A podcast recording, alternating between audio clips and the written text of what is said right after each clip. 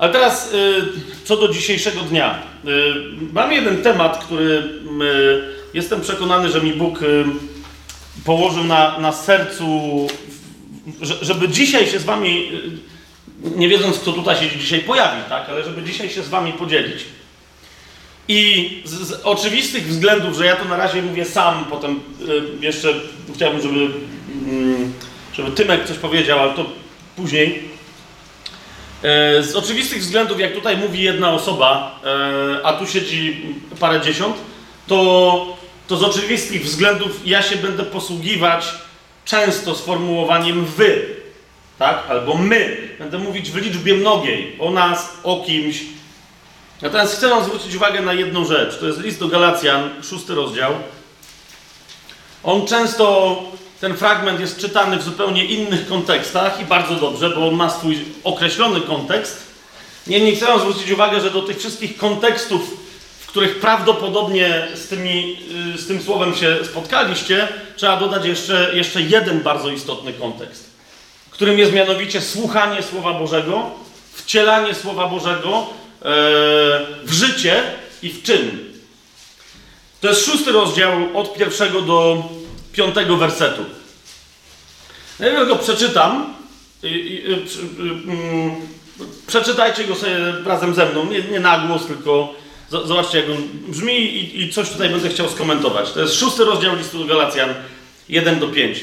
Bracia, jeśli przydarzy się komuś jakiś upadek, wy, którzy jesteście duchowi, poprawiajcie takiego w duchu łagodności, uważając każdy na samego siebie, abyś i ty nie był kuszony. Jedni drugich brzemiona noście, a tak wypełniajcie prawo Chrystusa. Jeśli bowiem ktoś uważa, że jest czymś, będąc niczym, ten zwodzi samego siebie.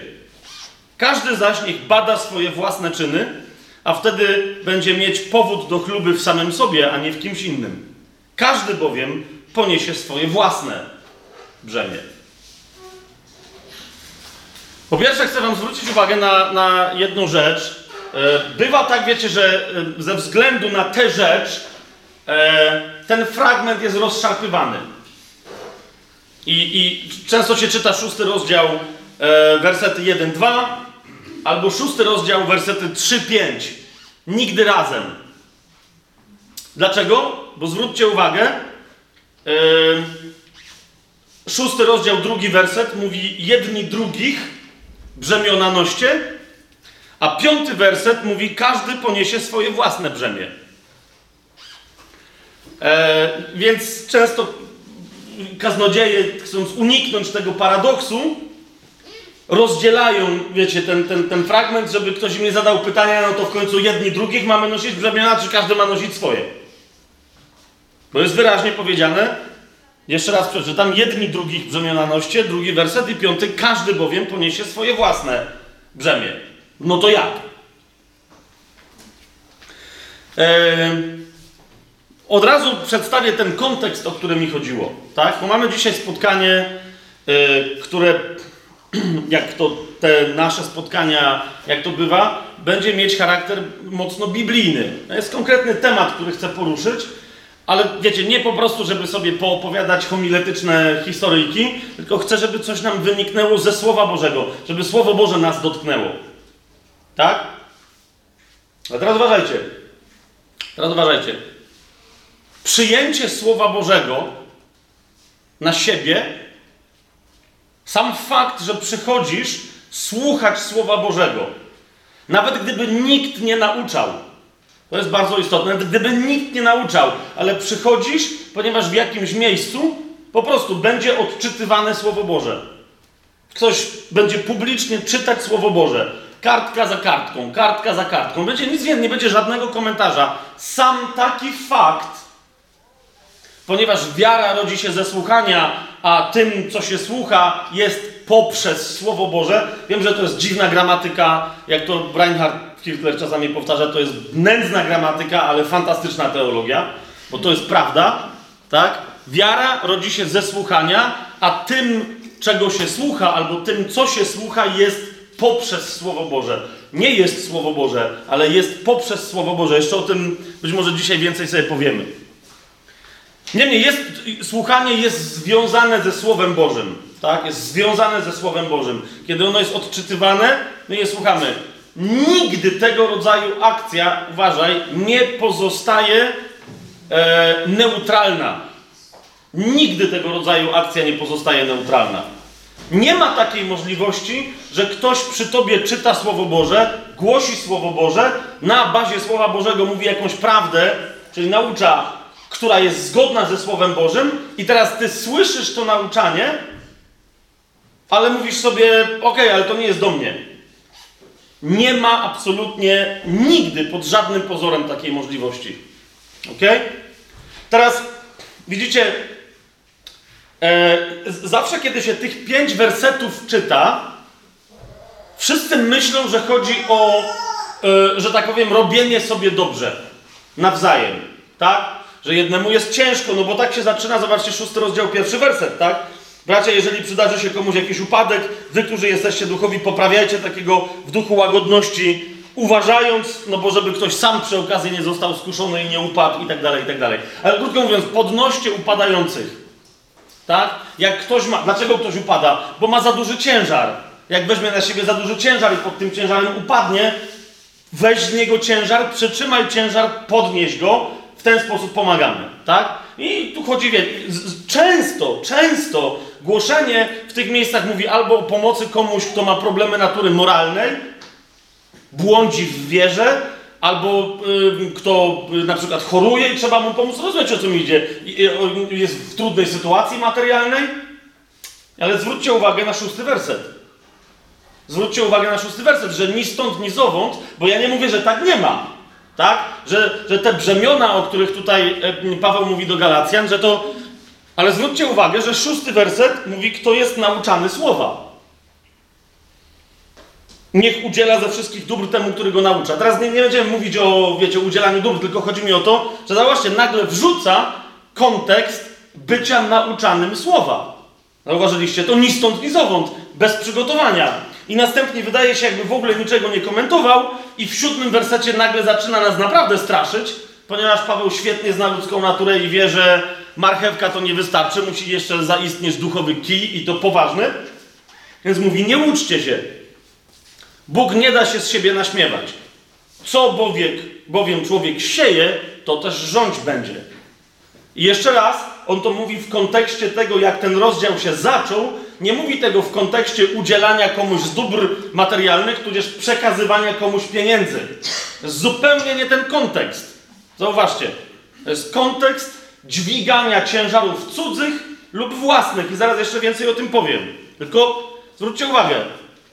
Prawo siania i zbierania, Paweł wyraźnie mówi, kto sieje dla swojego ciała, z ciała rządź będzie zniszczenie, kto zaś sieje dla ducha, z ducha rządź będzie życie wieczne. Swoją drogą to też się tyczy kwestii datków materialnych. Tak? To jest, jest zupełnie na marginesie. Tylko powiem, że to się tyczy także kwestii przekazywania ofiar. Zwróćcie uwagę, całe to nauczanie, jak może się stać wręcz diaboliczne. Całe nauczanie, nie mówię, że ono jest takie, tak? Ale całe nauczanie tak zwanego prawa siania i zbierania, zauważcie, jak może niektórych ludzi przyprowadzić do potwornych kłopotów natury duchowej. Tak? Bo, bo jest wiele takich osób, niektóre są na granicy wiary w Jezusa Chrystusa, które przyjmują nauczanie o tym, że jak dasz na tacę, na składkę kaznodziei, komuś tam, jak mu dasz stówkę, to Bóg ci, rozumiesz, to jest zasianie ziarna, a potem ci wyrośnie plon obfity, 30, 60 albo 100-krotny, to Bóg za chwilę ci odda 12 tysięcy złotych. Teraz jeszcze raz, zrozumcie o co mi chodzi. Ja nie mówię, że tak nie jest. Ja nie mówię, że tak nie jest. Bardzo interesującą jest, że mnóstwo, nie będziemy teraz w to wchodzić, ale mnóstwo bardzo bogatych ludzi, którzy znają Biblię, którzy znają Słowo Boże, z jednego konkretnego narodu, w Stanach Zjednoczonych na przykład, oni świetnie o tym wiedzą. Tak? Pierwszy, pierwszy milion bodaj zarobiony przez Rockefellera, pierwszy milion dolarów absolutnie oddał na, na cele charytatywne, po prostu, tak? Nie zostawił sobie ani centa. Rothschild, pierwszy z dynastii, to samo. I tak, dlaczego? Oni świetnie wiedzą, że istnieje prawo siania i zbierania. I więc ja nie mówię, że ktoś, kto da, następnie nie otrzyma. Ja tylko mówię, zwróćcie uwagę, że sam fakt, że działa takie prawo, ok, że, że ty dając liczysz na to, że do ciebie wróci, tak? Jak, jak, jak idzie, mamy tu profes, profesjonalną, akademicką nauczycielkę języka angielskiego, jak idzie to, to przysłowie? A są, to poprawcie mnie. What goes around comes around, tak? No, to jest to, tak? Puścisz coś w jedną stronę, zbierze, wróci do ciebie z drugiej z jeszcze większą obfitością. Ale patrzcie, o czym mówi Paweł. On nie mówi, że to nie działa, on tylko mówi, że istotne jest, po co chcesz wprawić w ruch takie działanie. Po co chcesz je wprawić w taki, w taki ruch? Jeżeli dajesz nie dla ducha, ale ze względu na ciało, żeby zarobić w ciele, to zauważam, mówi zarobisz. Kto sieje dla swojego ciała, z ciała rządź będzie. Ale co ostatecznie? Zniszczenie. Ok? Kto zaś sieje dla ducha, z ducha rządź będzie życie wieczne. Cokolwiek więc dajesz jest istotne, dlaczego coś dajesz, po co to dajesz, jakiego rodzaju zysku się spodziewasz. Ok? I teraz, ale, ale wracamy, bo nie, nie, nie, chodziło nam o to, żeby, to, żeby gadać tu o pieniądzach, tylko wracamy do początku. Hmm? Nawet kiedy pomagasz innym ludziom, kiedy upadają, jeszcze raz, zobacz po co to robisz. Tak? Kiedy ktoś upada, jedni drugich brzemiona noście. Mówi Paweł, a tak wypełnicie prawo Chrystusa. Prawo miłości, rzecz jasna. Ale, ale jeszcze raz, zwróć uwagę na prawo duchowe. Paweł mówi, jeżeli to robisz dla ducha, to w duchu będziesz rządź życie wieczne i nagrodę w przyszłym życiu tym, które będzie trwać wiecznie. Tak? Ale mówi, jeżeli to robisz dla ciała, jeżeli się zajmujesz podźwiganiem innych, dźwiganiem ich brzemion i tak dalej, na przykład dlatego, że chcesz, żeby cię inni pochwalili, żeby zobaczyli, jak, jak fajne wydajesz owoce nawrócenia, to o takich ludziach Pan Jezus powiedział w różnych kontekstach, już otrzymali swoją nagrodę. Zaprawdę, powiadam Wam, oni już otrzymali swoją nagrodę. Pamiętacie? Jak mówi o faryzeuszach, że się modlą tak, żeby ich było widać, że poszczą tak, żeby było wiadomo, że poszczą i tak dalej, i tak dalej. Jałmużny dają, tak, trąbiąc przed sobą, że je dają. Jezus mówi, już otrzymali swoją nagrodę. Zebrali w ciele swój plon, ale on niestety skończy się tylko zniszczeniem, bo to ciało musi być zniszczone. A więc pierwsza rzecz, pierwsza rzecz, zwróćcie uwagę, że kiedy jest mowa o dźwiganiu brzemion w tym kontekście, nawet tu istotna jest intencja. I druga rzecz. I druga rzecz. Jaka jest różnica między tym, że mamy nawzajem swoje brzemiona nosić, a potem się okazuje, że jednak każdy ma dźwigać swoje własne brzemię? Otóż widzisz, po pierwsze, mamy dźwigać brzemiona innych ludzi, kiedy widzimy, że oni się znajdują w cielesnym stanie, że działają na sposób duszewny, tudzież cielesny. Kiedy widzimy innych siejących w ciele i z tego powodu już zbierających często zniszczenie różnego typu, tak? Różnego typu, bo, bo grzech zawsze prowadzi do śmierci i to szybko. A więc mamy nawzajem brzemiona swoje nosić, w sensie, że podawać rękę, zwłaszcza siostrom i braciom, którzy powinni żyć jako osoby duchowe, a tak nie żyją. Zauważcie, yy, sugeruje to jasno Paweł, mówiąc wy, którzy jesteście duchowi. Tak? Bracia, jeżeli przydarzy się komuś, komu? Komuś z was jakiś upadek. Zauważcie, on mówi do ludzi duchowych, którzy przestali żyć jak powinni, przestali żyć na sposób duchowy. Poszli w taki czy inny sposób na kompromis ze światem. A więc mamy nosić swoje brzemiona, kiedy widzimy, że ktoś upada, że wziął na siebie za duży krzyż, albo na przykład nie swój krzyż. Z kolejna rzecz, zwróćcie uwagę na to, Jezus mówi, że każdy z nas ma wziąć na siebie swój krzyż, a nie byle jaki krzyż. A już na pewno nie jego krzyż. Tak? Jakby ktoś mógł ponieść Jezusowy krzyż, to dzieło Jezusa nie byłoby niczym wyjątkowym. Nie da się wziąć na siebie Jezusowego krzyża. Tak? Każdy z nas ma wziąć na siebie swój krzyż i za Jezusem podążać. Ale właśnie, ale właśnie. Czasem pomagamy innym dźwignąć ich krzyż. Albo dźwigamy brzemiona w taki sposób, że zdejmujemy z kogoś krzyż, który jest nie jego. Ok? I, I pomagamy mu dźwignąć krzyż, który jest jego, jego własnego życia. Ale po co to robimy? Żeby kogoś wyręczyć? Nie. My mamy nawzajem brzemiona swoje podźwigać i podnosić. Tu jest mowa o, o takich ciężarach, które są nie do udźwignięcia przez jedną osobę. Tak? Jeżeli na kogoś spadnie coś więcej niż w stanie jest udźwignąć, takim osobom mamy pomagać. Ale zauważcie, nawet w tym oczywistym kontekście, bo to o to mi idzie, tak? Że Paweł o tym przypomina, wzajem ciężary swoje przez jedną osobę nie do uniesienia, we dwójkę albo we trójkę noście, albo jeszcze więcej. Po to jest Kościół. Ale Paweł mówi, nawet w tym kontekście nie zapomnijcie o jednym. Niezależnie od tego, jak istotny jest Kościół, niezależnie od tego, jak istotne są relacje pomiędzy nami, przyjaźń w Panu, miłość wzajemna, jako, jako, jako prawo Chrystusowe i znak Chrystusowy, niezależnie od tego wszystkiego. Nigdy od momentu, kiedy jesteś nowym stworzeniem, nigdy od momentu, kiedy w duchu jesteś nowym stworzeniem, nie działasz inaczej, jak tylko jako jednostka stosunku do innych ludzi.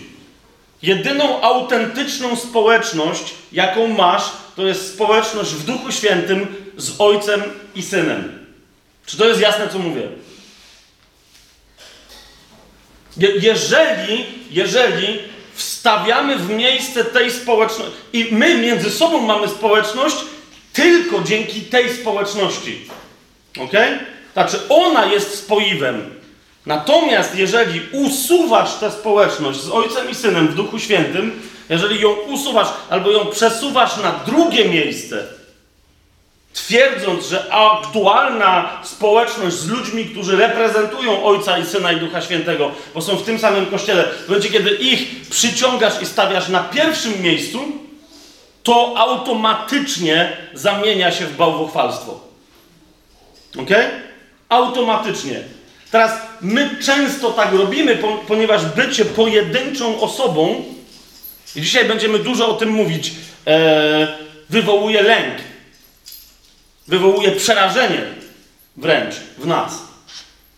Jeżeli nie podejdziemy do, do tego stanu e, rzeczywistości, w jakiej się obecnie znajdujemy, jeżeli nie podejdziemy duchowo, za każdym razem, kiedy wycofujemy się i robimy krok wstecz z ducha, robimy krok wstecz w duszę, natychmiast fakt, że duchowo jesteśmy pojedynczą osobą, zauważcie, yy, między innymi w tym liście jest powiedziane, yy, wcześniej yy, w, w piątym rozdziale, nie, dobrze, nie, nie, nieważne, bo, bo, bo będziemy. Okej, okej, okej. W każdym razie, Między innymi w liście do Galacji jest mowa o tym, że jesteśmy, zauważcie, że nic innego się nie liczy, tak? Chciałem pokazać tam cały ciąg, ale nie będziemy o tym mówić, że nic innego się nie liczy, tylko nowe stworzenie. W Chrystusie nic innego się nie liczy, tylko nowe stworzenie. Zauważcie, że nikt tam nie, Paweł nie mówi, Duch Święty przez Pawła nie mówi, nic innego się nie liczy, tylko nowe stworzenia. Zauważyliście? Tam jest liczba pojedyncza, nic innego się nie liczy, tylko nowe stworzenie. I teraz co to oznacza? To oznacza, że de facto na drodze, którą idziemy, drodze wiary, która ma działać przez miłość, na drodze wiary, która się rodzi ze słuchania i poprzez słuchanie Słowa Bożego, ze słuchania poprzez Słowo Boże, samego Boga, na drodze tej wiary nie możesz z nikim współdzielić odpowiedzialności. Rozumiesz? Nie możesz z nikim współdzielić odpowiedzialności, gdy chodzi o swoje słuchanie Słowa Bożego. Nie ma nic do rzeczy, że, że, że jakieś, rozumiesz, głoszenie Słowa Bożego dotknie ciebie, dotknie twoją siostrę, brata, kogoś jeszcze. Wyjdziecie sobie na przerwę, wrócicie do swojego zboru, gdzieś tam do domu, rozumiesz? I teraz macie rozważanie i wszyscy płoną. Okej? Okay? Niech będzie. Ucieszcie się z tego, ucieszmy się z tego, że nas Duch Boży w ramach jedności dotyka. Ale jeszcze raz, tym bardziej w tego typu sytuacji uważaj. Dlaczego? Ponieważ sam fakt tego entuzjazmu powinien się następnie zamienić w Twoją osobistą, konkretną odpowiedzialność. Co to oznacza? A zauważ, jak często ludzie dotknięci Duchem Bożym, dotknięci mocą Słowa Bożego, zaczynają się dogadywać z innymi, co będą razem robić. I, I, często miesiąc później ogień zaczyna gasnąć, dwa miesiące później się okazuje, hej, wizja na początku nie tak wyglądała, trzy miesiące później robią cztery zbory z trzech ludzi. Dlaczego? Ponieważ tylko, rozumiecie, wspólny entuzjazm, wspólne zapalenie ognia, wspólne. To wszystko nie zwalnia nikogo z indywidualnej odpowiedzialności, która w duchu ma być przyjęta. I o tym mówi Paweł, zawsze zaraz po tym, jak mówi jedni drugich brzemienanoście, gdy chodzi o problemy, gdy chodzi o kłopoty, gdy chodzi o wyciąganie z tych kłopotów innych, mówi: Nie zostawiajcie tego, który upadł w drodze, bo ty biegniesz. Jeżeli ktoś za tobą biegł razem z tobą, a upadł, zatrzymaj się, wróć, podnieś go, bo jest twoją odpowiedzialnością twój brat czy siostra, siostra w Chrystusie. Ale wciąż zauważ, to jest Twoja odpowiedzialność, że przy Tobie ktoś upadł. Nie jest Twoją odpowiedzialnością następnie jego brzemię. Tak szybko, jak to jest możliwe, masz wrócić do swojego brzemienia, do świadomości tego, co Ty w tym życiu masz do podźwignięcia. Jakie jest Twoje, mówiąc innym językiem, chociaż go trochę nie lubię, bo szybko się włącza, wiecie, współczesne, yy, różnym ludziom się włączają współczesne szkoły motywacji tak? Ale de facto chodzi o to, jakie jest Twoje osobiste powołanie od Boga, tak? Czwarty werset i piąty, jeszcze raz przeczytajcie. Każdy zaś niech bada swoje własne czyny, niezależnie od tego, jak wiecie, czego się nauczył, kiedy, kiedy widząc nędzne, grzeszne czy słabe czyny innych braci i sióstr, czego się tam nauczył. Nadal ma wrócić do siebie i zbadać swoje czyny. Nawet nie porównując się na zasadzie, skoro tamten brat zgrzeszył, a ja mu pomogłem, jak to o mnie świadczy. Zrozum, nijak. Rozumiesz o co mi chodzi? To nijak o tobie nie świadczy, to nijak o mnie nie świadczy. Po prostu, dokładnie w momencie, kiedy komuś pomagam, jakkolwiek i naprawdę skutecznie mu pomagam, to jest miejsce, żeby powiedzieć: Sługa nieużyteczny jestem. Zrobiłem co musiałem, łaski nie robię. To jest tylko tyle. W żaden sposób to o mnie nie świadczy. Świadczyłoby, gdybym nic nie zrobił na moją niekorzyść. I wtedy to mnie musiałby ktoś podać rękę. Przez napomnienie, przez i tak dalej, i tak. Tak? Ale oczywiście, kiedy zrobię to przez porównanie, dlatego w innym miejscu Słowo Boże mówi, nie porównujcie się ze sobą nawzajem. To nie ma żadnego sensu. Absolutnie żadnego sensu. Jaki sens by był, że porównywania się z kimkolwiek, z kimkolwiek, skoro po pierwsze nie wiesz, kim on tak naprawdę jest w duchu, a po drugie nie wiesz, jaką on ma relację z Chrystusem w duchu, przez Chrystusa z Ojcem w duchu. Czy rozumiecie, o czym mówię? Nie, z czym się więc porównujesz? Niektórzy mówią, no ale owoce mogę na zewnątrz porównać. Jeszcze raz, my jesteśmy stworzeni do przynoszenia jakich owoców? Takich, jakie ojciec od początku zamierzył, żebyśmy przynosili. Tak? Więc jeżeli ktoś jest powołany, żeby być ewangelistą, wychodzi na ulicę i na tej ulicy w ciągu jednego głoszenia nawraca 100 osób, a ty nie masz w ogóle takiego powołania, to z czym ty się porównujesz? Wiesz co mi idzie? Możesz wychodzić ty 100 razy na ulicę i nie nawrócić ani jednej osoby. Ok? Ale jeszcze raz pytam, no ale z czym ty się masz porównywać? No bo ten nawrócił 100, a ja nikogo. Ale czy takie było twoje zadanie? Zobacz, bo jeżeli twoim zadaniem było być na przykład wstawiennikiem, to twój problem, wiesz na czym polega? Że ten gość, który stał na ulicy, powinien przez 200 godzin, zanim wyszedł na ulicę, przez ciebie być, brzydko się wyrażę, omodlony i wtedy on by nawrócił tysiąc osób, a nie 100. Kapujesz? Teraz jak ty chcesz zrobić to samo, co on, to nie robisz tego, co ty masz robić, no i mamy klopsa. Ponieważ on wylazł i sam z siebie zrobił tyle, ile mógł. 100 osób. Natomiast twoją odpowiedzialnością jest wiedzieć, jakie jest twoje powołanie, w ramach tego powołania, jaka jest twoja aktualna misja, w ramach twojej aktualnej misji rozeznawać wolę Bożą i wiedzieć, jakie jest twoje aktualne zadanie. Rozumiesz? I wtedy ty na kolanach w nocy, tak że nikt nie widzi, przez tydzień modlisz się za tego ewangelistę. Ty nawet nie wiesz, że, bo możesz go nie znać. Czy ktoś z Was miał takie doświadczenie, że go Bóg obudził w nocy albo w ciągu dnia od czegoś odciągnął i powiedział: módl się teraz, i ty nawet Wiesz po prostu, że sytuacja ma miejsce, ktoś, ktoś z was coś takiego miał? Że sytuacja ma miejsce z drugiej strony świata. Naprawdę nikt nie miał? O, jest, okej, okay, dobra, jest, jest parę osób. Po prostu wiesz to, rozumiesz, że sytuacja ma miejsce z drugiej strony świata. I teraz ty się po prostu, to jest twoje zadanie. Możesz do końca swojego życia nie wiedzieć, czy twoja modlitwa poskutkowała. Możesz nawet mieć wątpliwość, czy to, czy to nie były jakieś urojenia. W tym jednym konkretnym momencie miałaś, czy miałeś absolutną, stuprocentową pewność, że masz to zrobić. I robisz. Okej, okay, to mógł być błąd. Mógł być. Ale Bóg sprawdza nasze serca. Bóg patrzy w serce i bada nasze intencje. Nawet kiedy się. Rozumiesz, że, że człowiek, który ma w sercu przekonanie zgodne ze Słowem Bożym, bo to jest jeszcze istotne, żeby nie był kompletnym wariatem, niezgodnym ze Słowem Bożym, ale jak ma w sercu przekonanie zgodne ze Słowem Bożym, że coś ma być zrobione, to nawet, uważaj, nawet jeżeli w ramach tego przekonania na początku swojej drogi się pomyli, tak? Bo sobie jeszcze dopowie, że mu Bóg coś powiedział. Nawet jeżeli się pomyli, to wciąż Bóg więcej uszanuje i, i będę bronić tego, co teraz powiedziałem. Bóg znacznie więcej, w ogóle Bóg uszanuje działanie kogoś takiego, niż kogoś, kto wiedział, co ma robić, miał pewne objawienie, ale w ramach tego, co miał zrobić, zrobił tylko jedną dziesiątą. Rozumiesz? Ktoś powie, no dobra, ale ten zrobił jedną dziesiątą z jednej całości, którą miał zrobić, a tamten zrobił w ogóle jakąś głupotę.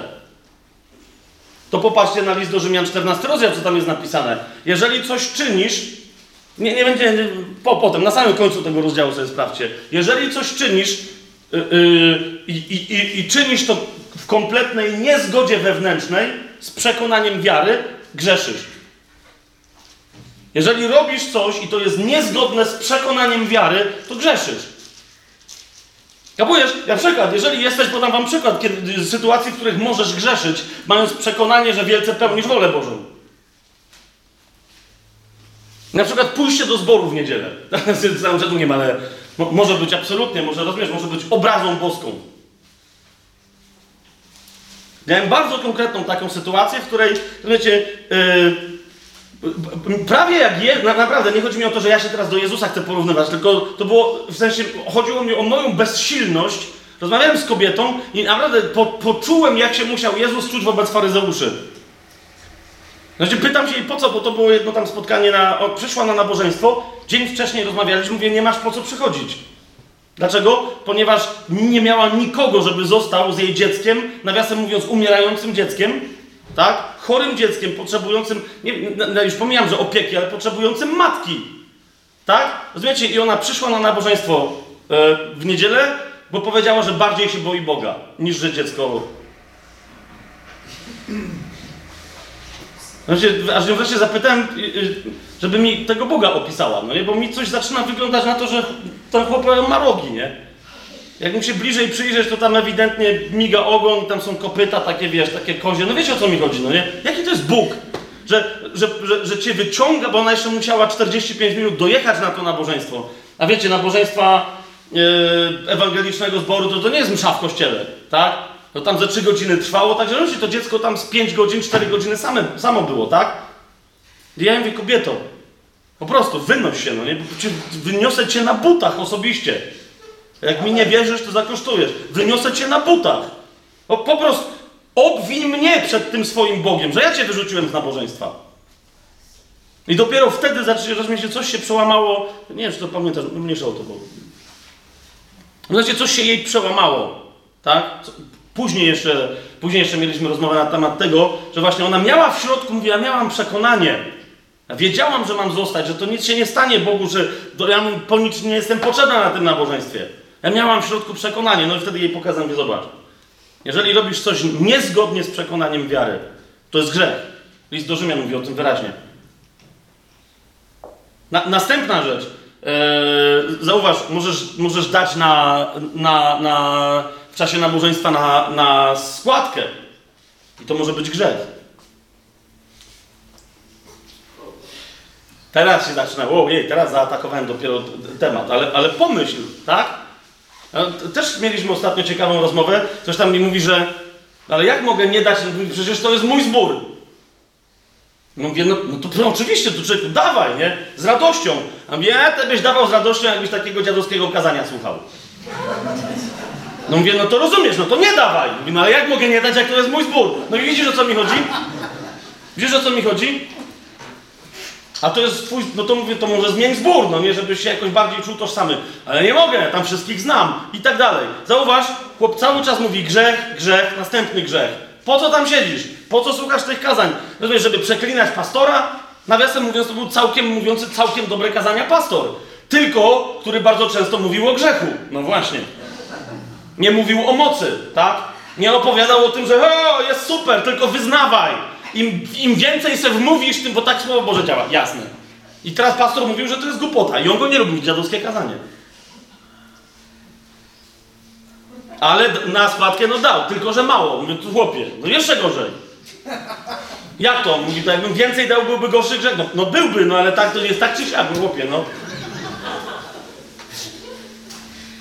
Teraz już nawet nie będę dawać przykładu, ale, ale jak, jak, jak, jak, idziecie za mną tym tokiem rozumowania, za- zauważcie, że można grzeszyć w, w, w trakcie całkiem uczciwej, yy, intelektualnie modlitwy, nieuczciwej w sercu, że można grzeszyć. Jeżeli modlitwa jest niezgodna z przekonaniem wiary, zauważ, że są takie sytuacje. ok? Są takie sytuacje. Słowo Boże mówi: w każdym położeniu dziękujcie. Tak? Ale jak? Ale uczciwym, serdecznym przekonaniem swoim. Teraz jak ktoś z tego robi religię, bo mówi, jest napisane w każdym położeniu dziękujcie. Hmm? I teraz żona go zdradziła. On się właśnie dowiaduje, że go żona zdradziła. Tak? I teraz widzę, jak chłop stoi, rozumiecie, z zaciśniętymi pięściami. Teraz mam tu, tu Biblię. Stoi z zaciśniętymi pięściami, rozumiecie, i mówi dzięki Ci, Panie. Bądź błogosławione Twoje imię. Bardzo Ci dziękuję. Ja się go pytam, rozumiesz, ale co, dlaczego Ty to robisz? Mówi, bo jest napisane. Mhm. W jednym miejscu jest napisane, a w innych co jest napisane? Tak? Mamy brać całe Słowo Boże do ręki. I teraz a propos tego, o czym dzisiaj będę mówił, ponieważ będziemy dużo dotykać, bardzo dużo będziemy dotykać tematu lęku, yy, ducha zastraszenia, który potężnie działa w Kościele, gorzej niż duchy religijne, duchy zamieszania. A to jest związane właśnie z tym, żebyśmy nie realizowali swoich, swojego osobistego posłannictwa. Ponieważ będziemy dużo o tym mówić, to też taki z mojej strony wstęp. Otóż widzisz, przyjęcie Słowa Bożego jest bardzo konkretnym brzemieniem. Je- jeżeli ktoś wychodzi z jakiegoś nauczania, z nabożeństwa, z czegoś mówi super, ale jestem zainspirowany, a jednocześnie nie ma w sobie ciężaru, rozumiesz, że nie chodzi mi o to, że ciężaru przygniatającego, ale wiesz, ciężaru, jak na przykład wiesz o tym, że, że chcesz coś zrobić, już byłby na to czas, a z jakiegoś powodu ten czas ci przeleciał przez palce. Wiecie, wie, wiecie o czym mówię? I teraz już wiesz, że to już nie dzisiaj, musisz to przełożyć na jutro, a jutro będzie mniej czasu niż było dzisiaj. Przewaliłem ten czas. To, to mi chodzi trochę o taki ciężar. Słowo Boże, największa Boża inspiracja zawsze przychodzi jako jakiś rodzaj brzemienia na ciebie. Tu czy tam cię przyciska, ponieważ chce wycisnąć ze mnie, z, z ciebie, chce wycisnąć grzech, chce wycisnąć duszewność. Jeżeli gdzieś jest kompromis między mną a światem, pierwszy list Janowi, Janowy mówi bardzo wyraźnie, że jeżeli ktoś jakkolwiek przyjaźni się ze światem, natychmiast kompletnie nie przyjaźni się z Ojcem. Więc rozumiesz, jak przychodzi Słowo Boże, a widzi gdzieś we mnie taki kompromis, to ten, kompromis, ten, ten kompromis natychmiast atakuje. Ja oczywiście mogę udawać, że nie wiem o co chodzi, ale musi mi być ciężko. Tak? Nie, nie rozumiem, naprawdę nie rozumiem wielu chrześcijan, którzy, którzy, którzy mówią, że zawsze po słuchaniu Słowa Bożego albo po modlitwie, że, że zawsze powinni się czuć lżej. Serio? Serio?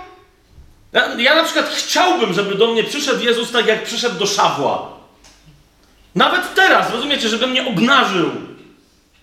Tylko, tylko rozumiesz, Sz- Szawłowi nie było lżej przez tych parę dni. Rozumiecie, o czym, o, czym, o czym mówię? I teraz, ponieważ mu nie było lżej, to znaczy, że nie miał autentycznego doświadczenia Bożego, wręcz przeciwnie.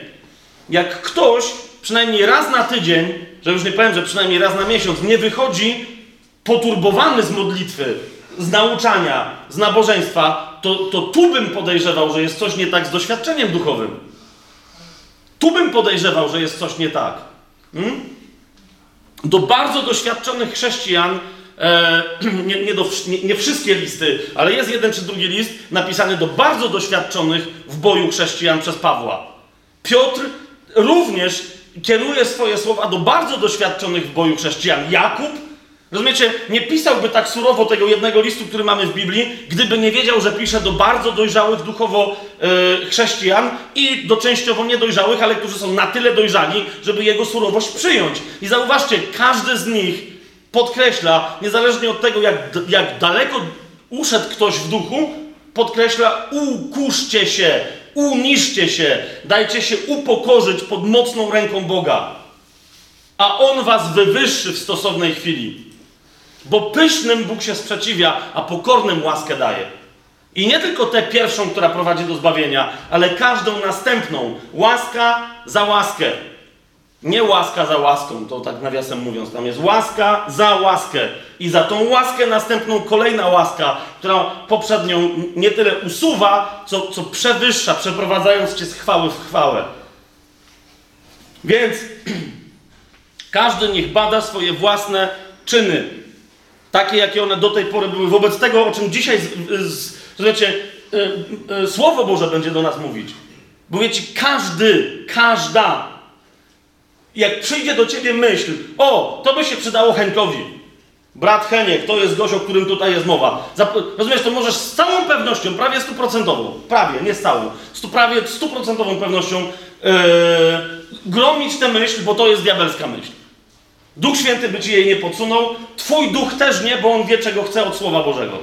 Jak ci przyjdzie myśl, o, to jest, to, to jest dla siostry Celestynki, to jest dla żony pastora, to ewidentnie jej by się przydało, tak? Jak masz taką myśl, to nie o tej akurat, bo to są różne zbory tutaj, tak? To, to natychmiast grom to. Bo jeżeli słowo dzisiaj jakieś przyjdzie, zresztą tak jak zawsze, to przyjdzie do ciebie na twój temat, na temat twojego życia i, do, i twoich czynów. Czy to jest jasne? Ten wstęp taki tak, tak szeroko z, z, zakroiłem z y, tego prostego powodu, że dla niektórych to, to może być sedno dzisiejszego nauczania. Rozumiesz, to nie chodzi mi o to, że taka ma być Twoja postawa teraz. Ale idzie mi o to, że taka ma być moja postawa i Twoja postawa, taka ma być nasza postawa za każdym razem, kiedy słuchamy Słowa Bożego. Za każdym razem, kiedy, kiedy, kiedy słuchamy nauczania jako nauczania Bożego. Kiedy podchodzimy do Biblii, żeby, żeby ją czytać, e, nawet jeżeli podchodzisz, żeby ją poczytać rozrywkowo. Znam ludzi, którzy całkiem słusznie czytają niektóre fragmenty Biblii, żeby się odprężyć. Nie wiem czemu niektórych odprężają na przykład takie księgi jak Księga Sędziów, ale są tacy, się odprężają wtedy, tak? Chociaż nie, to, to ma sens, nie? Że czytają i mówią, ok, a my dzisiaj aż tak źle nie mamy. To chyba w tym sensie. a więc każdy, każda niech bada swoje własne czyny, Galacjan 6:4, a wtedy będzie mieć powód do chluby w samym sobie, a nie w kimś innym. Je, jeszcze raz, ko kolejna rzecz. Masz prawo mieć powód do chluby w samej sobie czy w samym sobie. Masz prawo. Ok? Ale ta chluba musi wynikać z Twojego absolutnie uczciwego otwarcia się na Słowo Boże, o którym list do Hebrajczyków mówi, że jest ostre jak miecz obosieczny jest w stanie oddzielić nie tylko szpik od kości, ale również pragnienia od zamysłów nie bardzo związanych z Bożym pragnieniem, pragnienia od myśli serca. Jak rozumiesz, to jest ostrzejsze niż skalpel. Słowo Boże wchodzi, rozdziela ci to i mówi, co z tym zrobisz. Bo Słowo Boże może w tobie to rozdzielić, żeby ci coś pokazać, ale Słowo Boże niczego w tobie nie zrobi, jeżeli ty mu nie pozwolisz, żeby zrobiło. Jasne? Jeżeli mu na to pozwolisz, wtedy możesz znaleźć powód w sobie do chluby, którym jest co? Którym jest działanie Boga. A więc możesz mieć w sobie powód do chluby. Tylko jeszcze raz, kapujesz, nie możesz szukać tego powodu do chluby w kimś innym. Co to oznacza? To, to oznacza, że nie ma czegoś takiego jak owoc zbiorowy. Rozumiesz? Przeprowadziliśmy imprezę. Na imprezę przyszło 300 osób. Z tych 300 osób 30 przyjęło Pana Jezusa. Inne, które wcześniej przyjęły Pana Jezusa, dycha, się ochrzciły. I teraz wiecie, spotykamy się później na ewaluacji tak zwanej, jak nam to wszystko wyszło, wielbimy Boga i wszyscy jesteśmy dumni, jak super nam to wyszło. I teraz wiecie, ja też mógłbym się poczuć zadowolony na zasadzie, hu, no, no bo nam to wszystkim wyszło, nie? Ale pytanie brzmi, czy w ramach tego, co nam wyszło, ja zrobiłem to, co miałem zrobić? Czy pozwoliłem Bogu, żeby zrobił przeze mnie to, co On chciał zrobić? Co to ma do rzeczy, że brałem udział w e, imprezie, która się zakończyła duchowym sukcesem? Pytanie brzmi, czy na moim odcinku Bóg odniósł sukces? Czy rozumiecie, o czym mówię? Ja dam wam inny przykład. E, dam wam inny przykład, kiedy się nie możemy chlubić e, innymi. Ponad dwa lata temu mieliśmy taką sytuację u was w domu, że modliliśmy się za chorych, pamiętacie to? Znaczy, modliliśmy się od jakiegoś czasu. E, ale coś tam się działo, czasem się coś nie działo, to było jakieś takie dziwne, tak? I w pewnym momencie dosyć, dosyć taka jasna, właśnie do, w, w tym kontekście cały czas, do, dosyć jasna myśl do mnie przyszła na temat odpowiedzialności osobistej. Więc kiedy po raz kolejny e, ktoś, e, kiedy po raz kolejny ktoś tam przyszedł i mówi, że jest chory, padło pytanie, no to kto się będzie za niego modlić? No i wiecie, od razu się podniosło tam wtedy ile? Ze 12 osób, nie? 12 czy 15 nawet. Wszyscy się modlą. I, ja wtedy mówię, okej, okay, kochani, rozumiem, że wszyscy się chcą modlić za tego chorego. No tak, po co by wstawali? Ręce już, wiecie, wyciągali, tak? Mówię, okej, okay, no ale to po co w takim razie ma być piętnastka? Kto konkretnie go uzdrowi? Teraz. Wiesz, o co mi chodzi? Wszyscy byli, a módlmy się. I teraz mówię, no to jak każdy jest gotowy, to znaczy, że ktokolwiek może te ręce położyć. Rozumiecie o co mi chodzi, tak? Ja mówię, no to kto konkretny jeden go uzdrowi? Następnym razem będzie się następny modlił i tak dalej. Teraz kto? I nagle się okazało, yy, nikt. Nagle się okazało, nie, nie, to jak pojedynczo się ma, a to nie. No to jeszcze raz, zauważ, czy moje pytanie było jakieś nie, niejasne, nienormalne? Czy wszyscy są gotowi naprawdę pomodlić o uzdrowienie tego człowieka? Tak? Odpowiedź brzmiała tak. A teraz jak się okazuje, że ty masz jako jedna osoba się modlić, to się wycofujesz, to znaczy, to znaczy co to było? To znaczy, że kłamałaś. To znaczy, że kłamałeś. Czy co? Tam potem pamiętam, że dwie osoby czy trzy powiedziały, okej, okay, nie, nie, nie, nie kłamałem, jednak jestem gotowy zaryzykować. No okej, okay. Ale widzicie, czym się różni deklaracja, że biorę odpowiedzialność od autentycznego wzięcia odpowiedzialności? Proste. Cokolwiek się nie dzieje w kościele, ludzie dokładają ręce, jak do tej modlitwy o chorych. Tak? Ludzie dokładają ręce. Jak się coś stanie, Rozumiecie, całkiem możliwe, że wiara jednego wierzącego dokonała tego cudu, że się tak skrótowo wyrażę. Ale 15 się chwali, to my się, my się modlili wtedy. Człowieku, czy był ogień, jakie namaszczenie? Nie słyszeliście takich świadectw? I potem jest takie, słuchasz tego i jakoś tak nie czujesz tego namaszczenia przechodzącego w tym świadectwie. Tak? Dlaczego? Bo może niewłaściwa osoba gada. Może to nie jest jej świadectwo, może ona się tylko podpięła. Każdy niech bada swoje własne czyny, a wtedy będzie mieć powód do chluby w samym sobie, a nie w kimś innym. Galacjan 6:4 i Galacjan 6:5 każdy bowiem poniesie swoje własne brzemię. Każdy poniesie swoje własne brzemię.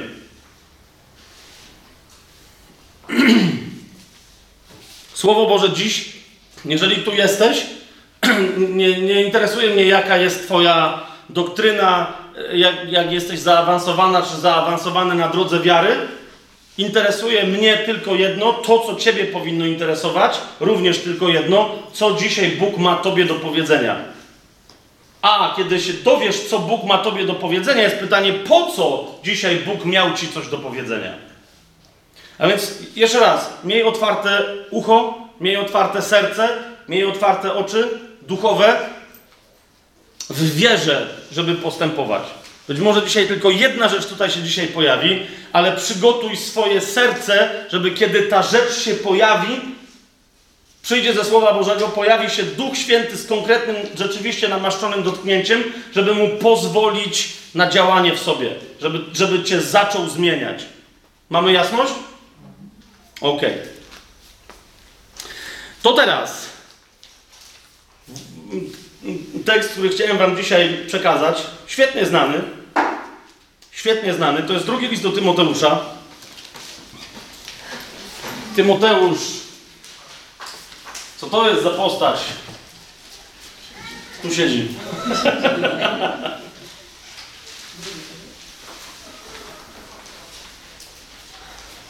Mm. Powiedziałem, że z jakiegoś powodu Bóg mi położył na sercu to, żeby mówić dzisiaj o osobistym powołaniu, o osobistym posłannictwie.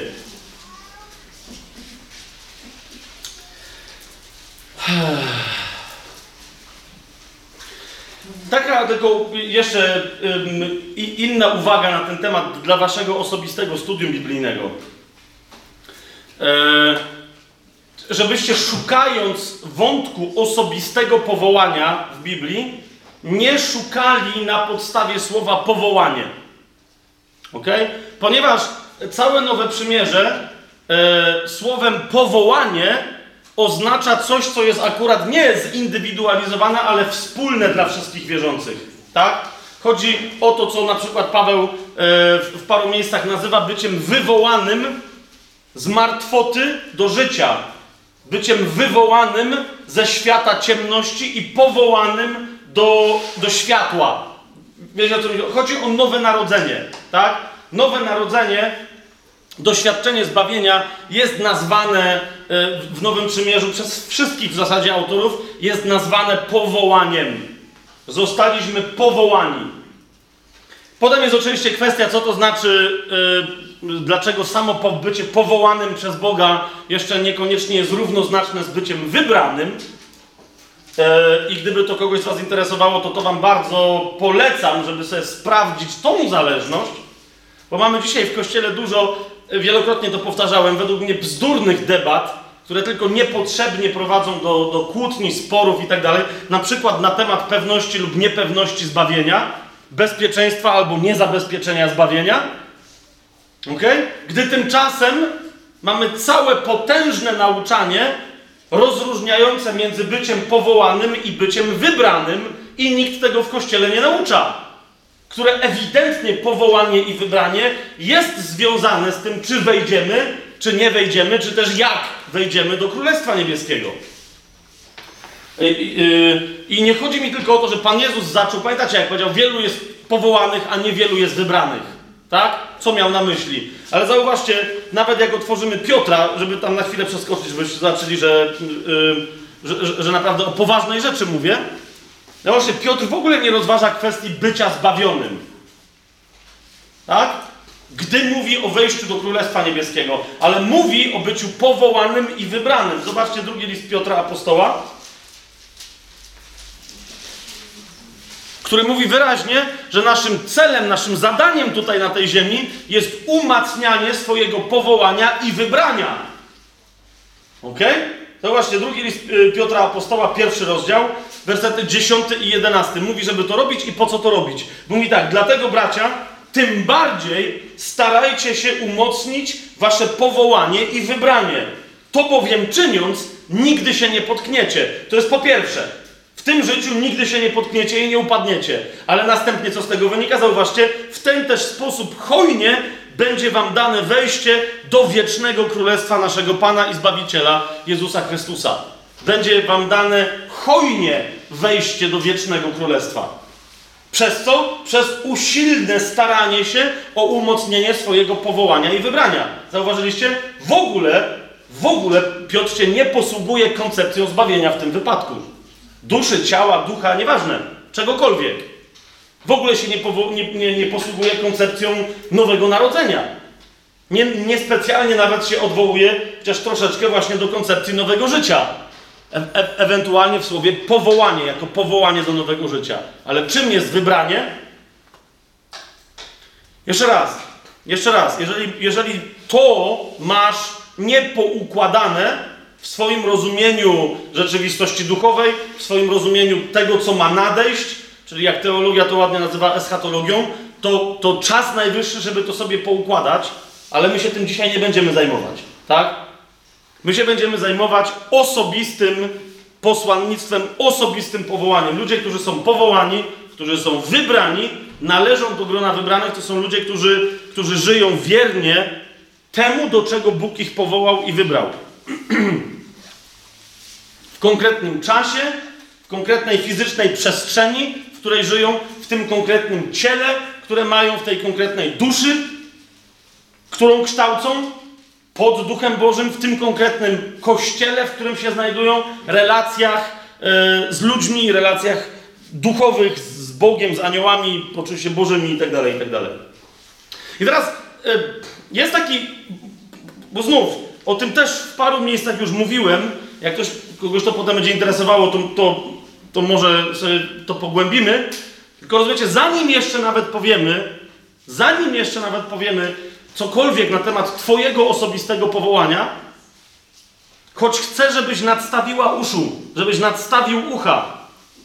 Bo rozumiesz, kiedy doszło do Twojego zbawienia? Pomyśl sobie, nie odpowiadajcie mi, tylko odpowiedz sobie, kiedy? Kiedy jest dzień Twojego mniej więcej, niektórzy nie do końca wiedzą, tak? Ale kiedy doszło do Twojego nawrócenia, do nowonarodzenia? To było ile? Miesięcy temu, lat temu? I teraz rozumiesz, o co mi chodzi? Ile możesz powiedzieć, że w ciągu tych lat, ile możesz powiedzieć, że w ciągu tych lat, tych miesięcy, tygodni, nie wiem ile to było, udało ci się wyżyć swojego życia? A ile nadal żyłaś, czy żyłeś nie swoim życiem? Sztucznym życiem narzuconym ci przez okoliczności, przez pracę, którą masz, przez studia, które musisz kończyć, przedszkole, do którego chodzisz. No ale żartuję. Chociaż nie wiem, może tu ktoś jest jakiś słuchacz. Małżeństwo, w którym się znajdujesz, zadania, które myślisz, że wciąż jeszcze są do, do wypełnienia, albo rzeczy, których wciąż myślisz, że musisz w pierwszej kolejności się pozbyć, żeby móc zacząć służyć Bogu. Hmm? Jeżeli, jeżeli Twoja odpowiedź brzmi, ej, no nie, nie wiem, nie, nie, bardzo, nie bardzo wiem, o czym jest mowa. Muszę wiedzieć, to nie wystarczy żyć po prostu zgodnie z Pismem Świętym, zachowywać pewne reguły. Masz religię. To masz religię. Tak? Religia na tym polega, że w momencie, kiedy ktoś się nawraca, nawet przychodząc do Chrystusa, jeżeli następnie dowiaduje się, od tej pory musisz przestrzegać tych i tych reguł i wszystko będzie grało, to jest religia. To nie jest, to nie jest droga uczniostwa. Ok? To, to, to, to, nie jest, to nie jest postępowanie drogą, prawdą i życiem, którym i którą jest Chrystus. To nie, to nie jest. To jest religia, której Jezus nie zakładał. Po prostu. Absolutnie. Pod żadnym pozorem. Nie. Nie! Do, widzisz, w pewnym sensie, dopóki nie znasz swojego osobistego powołania, w pewnym sensie, teraz mnie dobrze zrozumcie, ale w pewnym sensie nawet czasem nie bardzo jesteś w stanie rozeznać, czy coś, co robisz, jest dobre, czy niedobre. Widzisz, ludzie religijni mają proste rozwiązanie. Co mam teraz robić? A co jest dzisiaj? Niedziela. No to byłeś już na nabożeństwie? A dzisiaj co mam robić? A co jest? Środa. No to myślę, że byłoby dobrze, gdybyś poszedł na. Bo jest, nie wiem, co ma, macie coś w środę? Tak, wstawiennicze. O! Byłeś na wstawienniczych yy, czymś tam? nie byłem. No niby nie musisz, ale jakbyś był, to by na pewno było lepiej, jak, niż jak nie jesteś. Aha. Co jeszcze mam robić? No i cię dowiesz, że jest parę zasad. A, a w Biblii wierzysz, że to jest prawda albo nieprawda? Nie wierzę. O, to jesteś heretykiem, musisz to zmienić. I tak dalej. Po czym ludzie, rozumiesz, ustalają sobie reguły gry, szufladkują sobie pojęcia, sposoby zachowania i nie wiem ile to trwa. Dwa miesiące do roku po nawróceniu. I potem myślą, potem myślą, że wszystko gra. Rozumiesz, żyją dalej takim samym życiem, jak wcześniej, kiedy nie byli zbawieni. Tyle tylko, że do tego życia starego dołożyli parę elementów, na podstawie których liczą, że Bóg im będzie błogosławił. Po prostu. I boją się, że teraz jak nie wypełnią tych elementów, to Bóg może cofnąć rękę, a więc skoro nie będzie błogosławił, to wróci stare przekleństwo. Rozumiesz? I teraz, jeżeli kogoś dotykam tym, co mówię, nie jest moim celem dotknąć ciebie, tylko obudzić, jeżeli cię to dotyka. Tak? Bo naprawdę chcesz mi powiedzieć, że nasz wspaniały, wielki Jezus po to stoczył tak nieprawdopodobny, nie do wyobrażenia bój na Golgocie za ciebie, żebyś następnie wylądowała czy wylądował raz w tygodniu, w niedzielę czy w sobotę, bo tam nie wiem, możesz być adwentystą czy tam jeszcze kimś, tak? Serio, o to tylko chodziło, żebyś raz w niedzielę przez półtorej godziny pośpiewała czy pośpiewał, posłuchał kazania i poszedł do domu i nie omieszkał zostawić 20 złotych? Serio, po to się odbył cały bój, żeby następnie obciążało cię, że kładziesz się spać i nagle ci się przypomina wow, nie czytałem dzisiaj Biblii, to jeszcze poczytam, oczy ci się kleją, ale ty jestem faryzeuszem, muszę, bo stracę błogosławieństwo od Boga. Rozumiesz? Serio, po to się cały bój odbył, żeby twoje życie się zamieniło w coś tak parszywie religijnego? W coś takiego? No rozumiesz, przyjrzyj się swojemu życiu chrześcijańskiemu i powiedz mi, gdyby, czym ono się charakteryzuje? Gdyby ktoś popatrzył na nie z boku i ci powiedział, czym się twoje życie, to też poganin. Poganin taki, który, chciałem powiedzieć, który w niedzielę chodzi do sklepu, ale chodzi mi o to, że teraz nawet poganie nie chodzą do sklepów. Co którąś niedzielę, no nie, więc... e, no taki normalny poganin, taki w Polsce, no nie? Taki nawet, co chodzi do kościoła. O, to jest dobre. Ja powiesz, chodzi do kościoła. Wspiera ubogich. Wiesz, lub pogan wspiera ubogich znacznie lepiej niż chrześcijanie? Się w głowie nie mieści. Więc taki normalny poganin przychodzi do ciebie i ci mówi, to ty jesteś chrześcijanką, tak? No tak. Jesteś chrześcijaninem, tak? No, to oczywiście. To, opowiedz mi i ty już się szykujesz. Opowiem ci o Jezusie, cztery prawa życia duchowego. Nie, nie, nie, nie. Powiedz mi, czym się twoje życie różni od mojego? Ja, rozumiesz, czym się twoje życie różni od mojego? Po, powiedz mi to. Czym się twoje życie różni od mojego? Ale tak na serio, rozumiesz? Powiedz mi, czym się twoje życie różni od mojego? I teraz wyobraź sobie, że to jest uczciwy, szczery ateista, albo uczciwy i szczery poganin, który mówi: Słyszałem, że w chrześcijaństwie jest coś fascynującego. Powiedz mi, co jest fascynującego w Twoim życiu? Ale zapomnij o opowieściach, że byłam świadkiem uzdrowienia trzy miesiące temu i to- nie jest nic fascynującego. Uzdrowienia nikogo nie nawracają. Uzdrowienia przynoszą dobro tym, którzy cierpią i są chorzy. Ale mają naprawdę małą moc nawracającą innych ludzi. Kapujesz? Taki człowiek może chcieć znaleźć w Twoim życiu jakąś odrobinę heroizmu. I teraz, po, po, rozumiesz, czym Ty go zafascynujesz? O to mi idzie, czy, rozumiesz, ja Ci tego nie wyrzucam. Bo ja mówię i teraz sam, że, a ja mu co powiem? O, stary, y, siedzę nad Biblią y, czasem po, po, po parę godzin dziennie i raz w tygodniu robimy wykłady biblijne i to jest niezwykle heroiczne z mojej strony. Mm, I byliśmy ostatnio w Piotrkowie, było, ja wiem, ze 30 osób. No, no, po- po- poważna historia. Kiedyś tak gadałem z jednym gościem, mówi, czyli dalej prowadzisz szkolenia. Ro, rozumiesz? Bo teraz, teraz chodzi mi o to, że e, to są nauczania biblijne, ale rozumiesz, ale tak z punktu widzenia tego gościa, który, no ale dobra, mówi, czyli zmieniłeś temat, tak? Czy już nie ma rozwoju osobistego, tylko jest Biblia, ale o to samo chodzi, żeby ludziom dobrze zrobić, tak? No tak, to szkolenia.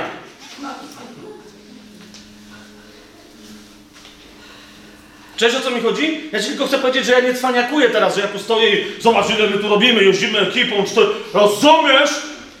Wyjechaliśmy wczoraj z domu, wrócimy dopiero w środę i zaraz w tę środę, czy we wtorek wieczorem, tak? A zaraz w środę mamy wykład i będzie walka duchowa. O, okej, walka duchowa, to jest coś. To jest coś. To o tym mogę, o tym coś powolutku mogę zacząć opowiadać, rozumiesz, komuś takiemu... Ostatnio był w Polsce, niestety się nie spotkaliśmy, on jeszcze jest, Richard William?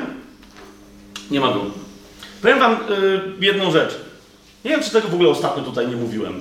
Ale jak mówiłem, to dobra, repetitio mater studiorum. y, on jest, skąd on jest? Ze Sri Lanki, z Singapuru? W każdym razie, wiecie, ma taką karnację jak ktoś ze Sri Lanki. Tak, taką ciemną, ciemną, taki, wygląda jak Hindus, tylko taki szar, szaro-czarnawy taki trochę, ok? I ym, rozumiem z tego, że w 80 jeszcze latach e, przemycił się do Chin ludowych, gdzie wiecie, tam był wciąż ten taki naprawdę ostry ucisk, naprawdę ostry ucisk kościoła i tam był szkolony. No, Jest mnóstwo historii, które nam Richard opowiadał, Yy, ale idzie mi o jedną, tak? Że, no bo wiecie, yy, jak ktoś ma taką karnację, jest, jest bardzo ciemnym Hindusem, yy, to zwłaszcza wtedy, bo teraz w Chinach to już troszeczkę się zmienia, ale zwłaszcza wtedy, to wiesz, nie dało się komuś wytłumaczyć, że jesteś Chińczykiem, tak? Bo to, wiecie, to tak jak kiedyś w Polsce, jak ktoś był czarnoskóry, to na, nawet teraz, wiecie, to jest takie, że się zdziwisz, że ktoś dobrze mówi po polsku, a jest, wiecie, ciemnoskóry, tak?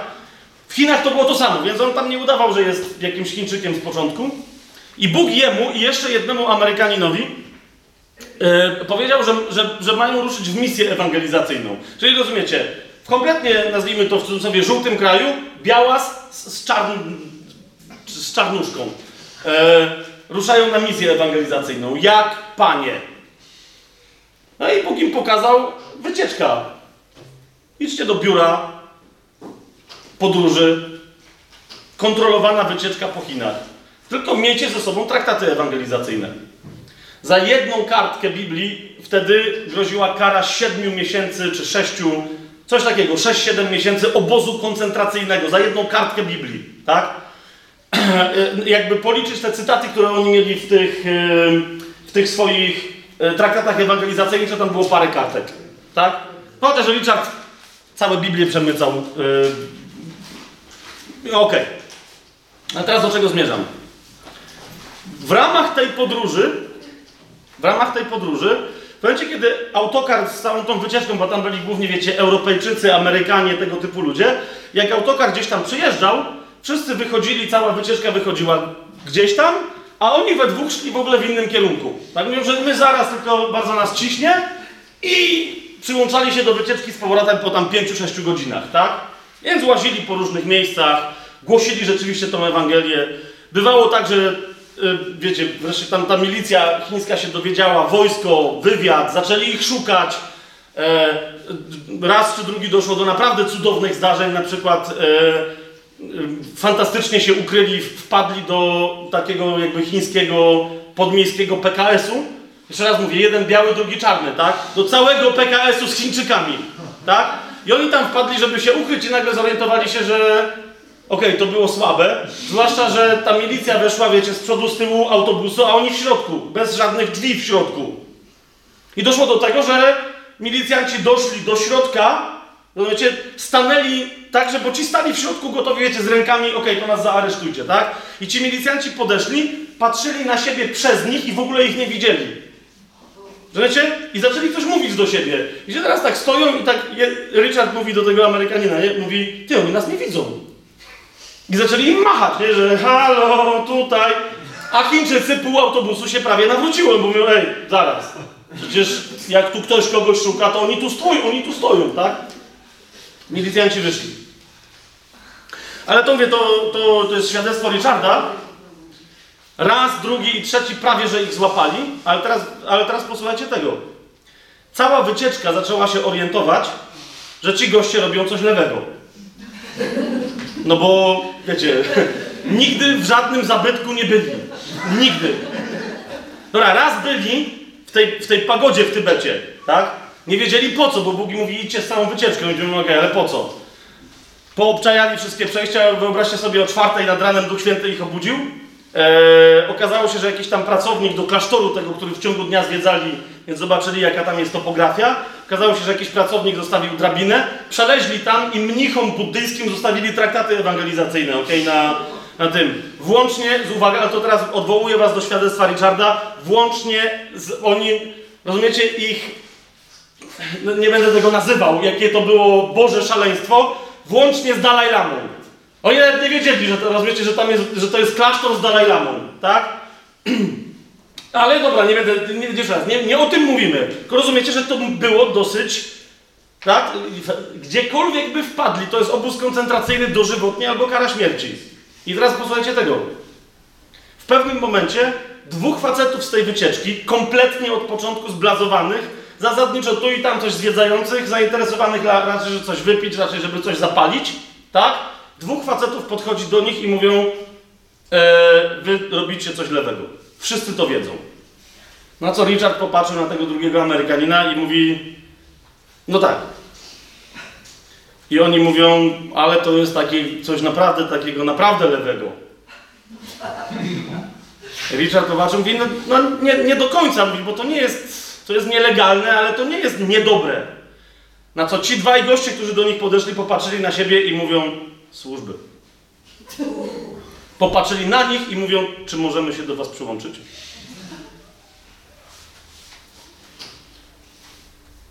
No. Zblazowani faceci z zachodu. Nagle zobaczyli, że ktoś może mieć w życiu taki sens, misję, która ma takie znaczenie. W dodatku to nie jest znaczenie, wiecie, przemytnicze, bandyckie, bo oni to zauważyli, tak? Że to jest coś dziwnego, że to jest nielegalne, ale to nie jest niedobre, tak? To jest groźne, ale jest dobre. Nagle zauważyli, że tu jest taki sens, Rozumiecie, że samo to, bez powiedzenia ani słowa, Jezus żyje, kocha Cię, bez jakiegokolwiek świadectwa, samo ich zaangażowanie w Bożą sprawę tak ich dotknęło, że zapytali, czy możemy się do Was przyłączyć. Rozumiecie, dalej nie wiedzieli, że chodzi o Jezusa, dalej nie wiedzieli, że... Z tego co pamiętam, to oni powiedzieli, że tak, możecie się przyłączyć, ale najpierw się musicie nawrócić i po prostu chłopy, tak o! Aha, czyli to chodzi o chrześcijaństwo. Ale to my słyszeliśmy, a nic co tam słyszeliście. To jest chrześcijaństwo. Wchodzimy. Wchodzimy. Pierwszy do Koryntian. Ja cały czas w ogóle tego drugiego do Tymoteusza nawet nie zacząłem czytać, nie? Jest bardzo dobrze, jest bardzo dobrze.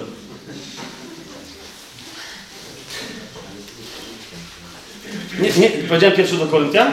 A, to to był zupełny żart. No skąd, jaki pierwszy do Koryntian? Drugi do Koryntian.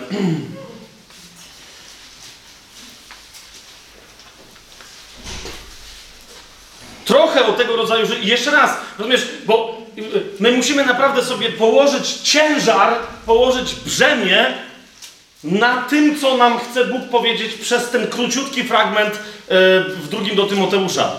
Więc jeszcze raz, to jest moje pytanie, czy, rozumiesz, bo, bo inaczej się nie przejmiesz tym. I ile już takich spotkań było, gdzie żeśmy mówili o tym, że Bóg ma dla, każdej, dla każdego z nas osobiste powołanie i ludzie mówili, wow, super. Po czym wychodzili, miałem fantastyczna inspiracja, będę tego szukał, spotykam się z taką osobą za rok, dalej szukam, super. Cieszę się, że mam jakieś wyjątkowe powołanie. Nie jestem nikim, no, ale, ale ty żyjesz tym, ale ważne, że nie jestem nikim. Więc może czas, może czas położyć na siebie naprawdę obciążenie. Rozumiesz?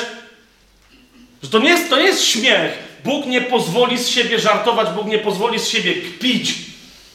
Jeżeli, jeżeli, jeżeli kocha mnie, jeżeli kocha ciebie tak, jak kocha, a kocha, to rozumiesz, że on jest dobrym ojcem, a nie jakimś ciamdziakiem. Co to byłby za ojciec, który by patrząc na swojego syna stwierdził, a niech nie chodzi. Nawet lepiej. Dejcie mu tonę frytek, telewizor, niech nie chodzi. Po co ma czytać? Niech leży taka larwa. Niech urośnie do 600 kilo i zdechnie jak najszybciej. No rozumiecie, czy to byłby jakiś dobry ojciec?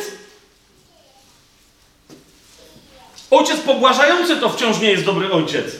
Ojciec dyscyplinujący swojego syna, stawiający mu wyzwania, pokazujący, że może iść znacznie dalej, wyznaczyć sobie cel znacznie wyżej i osiągnąć go szybciej niż inni.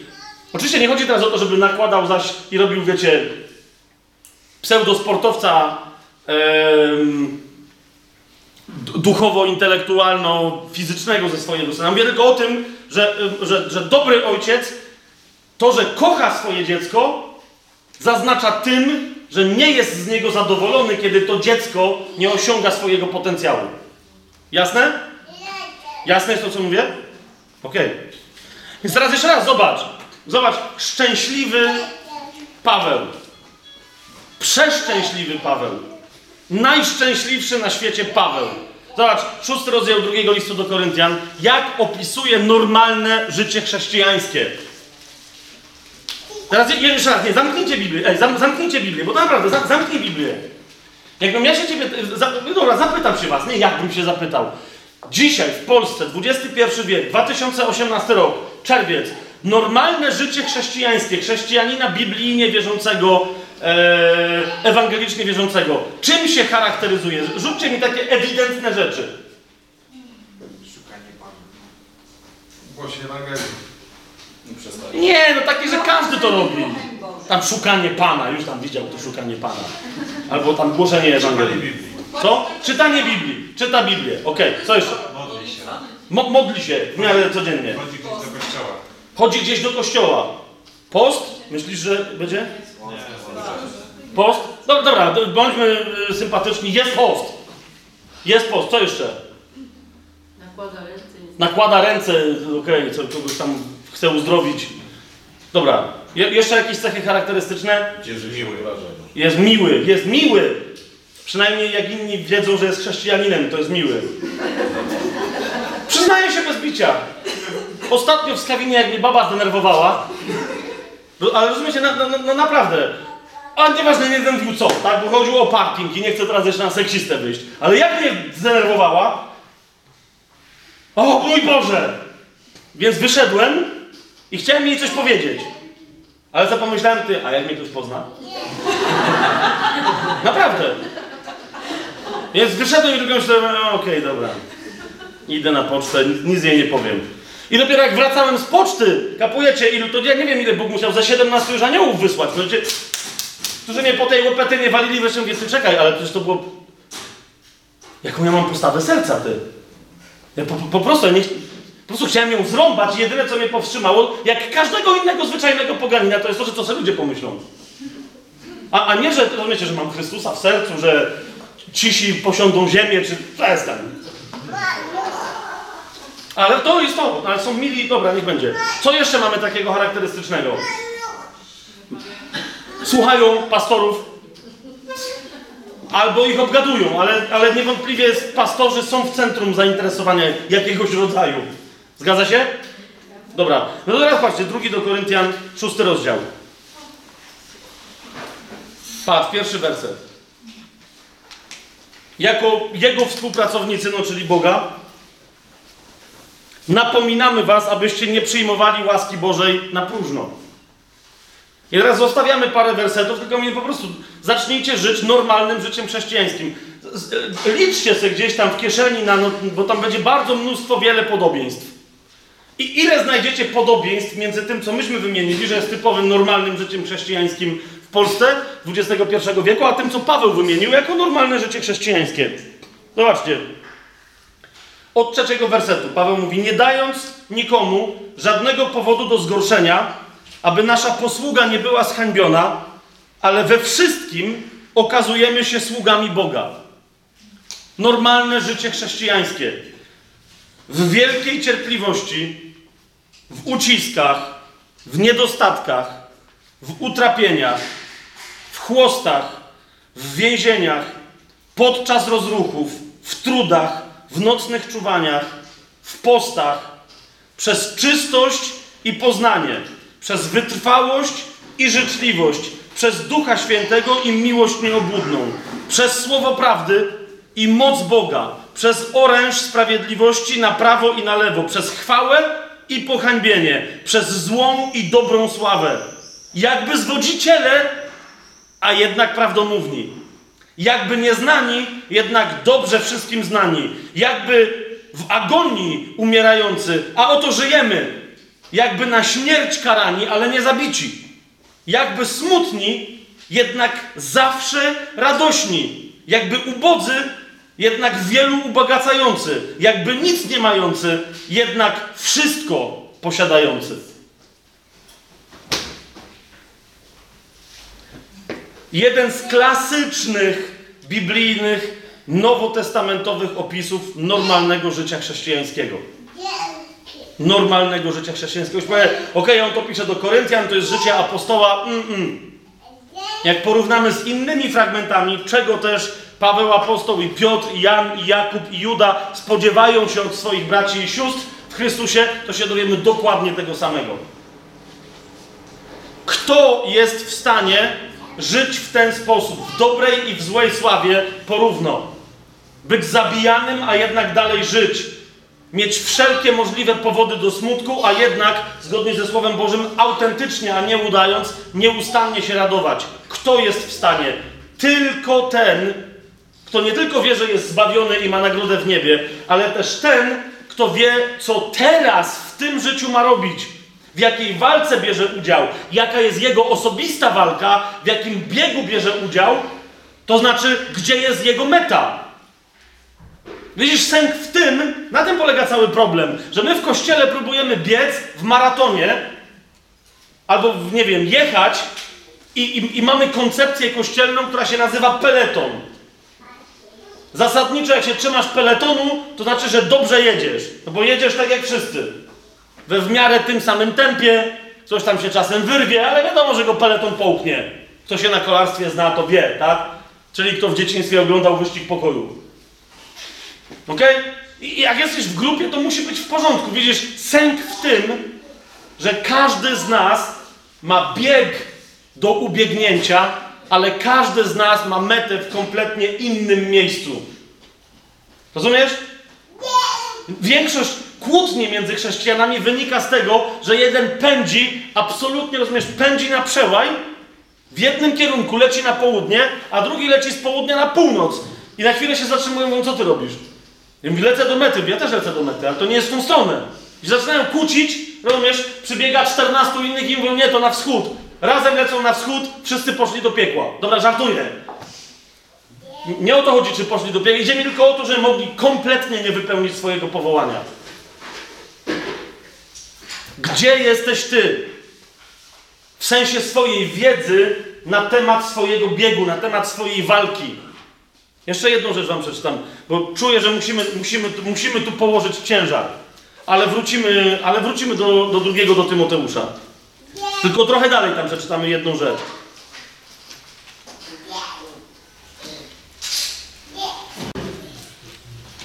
Jestem przekonany, że znacie te słowa, ale, ale czas najwyższy, żeby się dać tym słowom zaszokować. Nie zainspirować, ale zaszokować, żeby się dać tym słowom tak obciążyć, żeby nas zmiażdżyły. Posłuchaj tego, to jest drugi list do Tymoteusza, czwarty rozdział. Paweł się żegna z człowiekiem, którego nazywa tak jak Piotr nazywał Marka swoim synem. Paweł się żegna z Tymoteuszem, którym był tak blisko, że go nazwał swoim synem. W innym miejscu mówi, nie było nigdy drugiego takiego jak Tymoteusz w mojej służbie. Nigdy drugiego takiego. A więc to jest, zresztą to jest ostatni, z tego co wiemy, to jest ostatni list jaki, y, y, z natchnionych listów, jakie Paweł napisał. To jest drugi list do Tymoteusza. Ok? I teraz, y, i, i teraz jemu wylewa serce przed nim Paweł. On wie, że być może jakby to napisał, nie wiem, do Koryntian czy do Galacjan by nie zrozumieli, ale Tymoteusz zrozumie. I teraz zauważ, co mu pisze, czy to nie jest szokujące. Drugi do Tymoteusza, czwarty rozdział. Patrz, szósty, siódmy i ósmy werset. Ja bowiem, pisze mu Paweł, już mam być złożony w ofierze, a czas mojego odejścia rychło nadciąga. Mam być złożony w ofierze. Teraz ktoś powie, no dobra, w porządku, no chłop był w więzieniu, dostał list, że jak będzie okazja, to go zetną. Co w tym dziwnego? A czytamy dalej. Zauważ, co Paweł pisze. Siódmy werset. Stoczyłem dobrą walkę. Bieg ukończyłem. Wiarę zachowałem. Przyjrzyj się informacji w samym środku tego wersetu. Bieg ukończyłem. Zaraz przejdziemy do następnego wersetu, ale przyjrzyj się temu. Rozumiesz, co to oznacza? Paweł wiedział, w jakim brał udział biegu. Zresztą pamiętacie, w innych fragmentach on mówi, że, że biegnę w zawodach i nic mnie nie interesuje, tylko żeby dobiec do mety. Tu Paweł mówi, dobiegłem do mety. Czyli rozumiesz, on nie tylko wiedział, że bierze udział w biegu, ale wiedział, gdzie ma dobiec i wie w tym momencie, że dobiegł do mety. My nie współzawodniczymy z innymi, kto szybciej gdzie przyleci. Rozumiesz? Całe zawody polegają na tym, żeby dobiec do swojej mety. I teraz Paweł jeszcze żyje. Zauważ o co mi chodzi. Paweł jeszcze żyje, a mówi, że już dobiegł do mety. Wow! Rozumiesz, wiedział gdzie to jest i wiedział, że już tam jest, gdzie miał być. Teraz skąd my wiemy, że naprawdę o to chodzi? Zobacz ósmy werset. Odtąd, czyli mówi od tego momentu, od tej pory, kiedy do, ukończyłem bieg i wiem, że dokończyłem dobrą walkę. Zauważ, co mówi. Odtąd odłożona jest dla mnie korona sprawiedliwości. Szoker. Rozumiesz? Jezus w siedmiu listach do aniołów kościołów w Księdze Objawienia, pamiętacie to? On tam mówi, temu kto zwycięży i potem mówi, jakie będą dla tego kogoś nagrody. Tak? K temu kto zwycięży, temu dosłownie kto przezwycięży wszelkie przeciwności i na końcu okaże się zwycięski. I między innymi jedną z tych nagród jest korona sprawiedliwości. I wiecie, niektórzy mówią, no ale to tego to my się dopiero dowiemy na Trybunale Chrystusowym, jak zmartwychwstaniemy, spotkamy się z Panem Jezusem. Okej, okej, okej. Zauważ, Paweł nie ma żadnej wątpliwości. On mówi, od tego momentu nie kłamie, dobiegłem do mety. A skoro dobiegłem, to wiem z całą pewnością, że za samo to mam już odłożoną koronę sprawiedliwości. Jest, rozumiesz? Czeka na mnie. On nie mówi, teraz się zastanawiam, czy Panu Jezuskowi się to bardzo podobało. Nie, on wie, na co sobie zasłużył. Odtąd odłożona jest dla mnie korona sprawiedliwości, którą mi w owym dniu da Pan. On nie, nie mówi, że nie liczy na to, że mu da. Wie, że Jezus mu odłożył tę koronę i jak się spotkają, pierwsze co Jezus zrobi, powie Paweł, wiesz, że to jest twoje, nie? Paweł powie, wiem, na to czekałem. Dzięki ci, Panie. Rozumiesz? Którą mi w owym dniu da Pan sędzia sprawiedliwy. A nie tylko mnie, ale i wszystkim, którzy umiłowali Jego przyjście. Zobacz, ile osób mówi, no to ja się modlę często, Maranata, przyjdź Panie Jezu, umiłowałem Jego przyjście. Ale rozumiesz, chodzi o takie umiłowanie przyjścia Jezusa, które jest również biegiem, które ma również swoją metę, do której kiedy dobiegniesz, wiesz, że tak samo jak Paweł masz koronę sprawiedliwości. Gdzie jest Twoja meta? Jeżeli nie wiesz, gdzie jest Twoja meta, jeżeli ja nie wiem, gdzie jest moja meta, rozumiesz, to skąd wiesz, że żyjesz dobrym życiem chrześcijańskim? Jedyne, co możesz wiedzieć, to, że żyjesz w miarę religijnym życiem, według jakiegoś religijnego kodu. Niech to będzie nawet bardzo biblijny kod, ale to jest kod religijny, rozumiesz? On jest bardzo bezpieczny. Rób to, to, to i to i Bóg będzie zadowolony. W życiu! W życiu! Gdzie- masz napisane, że za wypełnianie jakichś tam zasad, jeszcze które ci ludzie powiedzą, że za to dostaniesz koronę sprawiedliwości? Jeszcze, jeszcze jeden ci przykład podam, bo naprawdę musimy na tym położyć ciężar jak głaz. Musimy na tym, i niech on nas w którąś stronę wreszcie przechyli. Widzisz, religia to jest, jak mówisz dzieciom, że kiedy spotkają babcie na przejściu dla pieszych, wiecie, bo to jest klasyk, no nie? Czy to będzie religia, w sensie katecheza y, katolicka w szkole, czy to będzie niby nie religia, ale na przykład nauczanie skautów albo harcerzy. Wiesz o co mi chodzi? Bez związku z... Po prostu jakaś moralność. Co masz zrobić, jak widzisz biedną babcię, która się trzęsie i jest półślepa przy przejściu dla pieszych? Co masz zrobić? Masz ją przeprowadzić na drugą stronę. Zgadza się? To jest religia. Religia mówi, w każdej sytuacji przez nas opisanej istnieje jakieś jedno rozwiązanie, które jest dobre.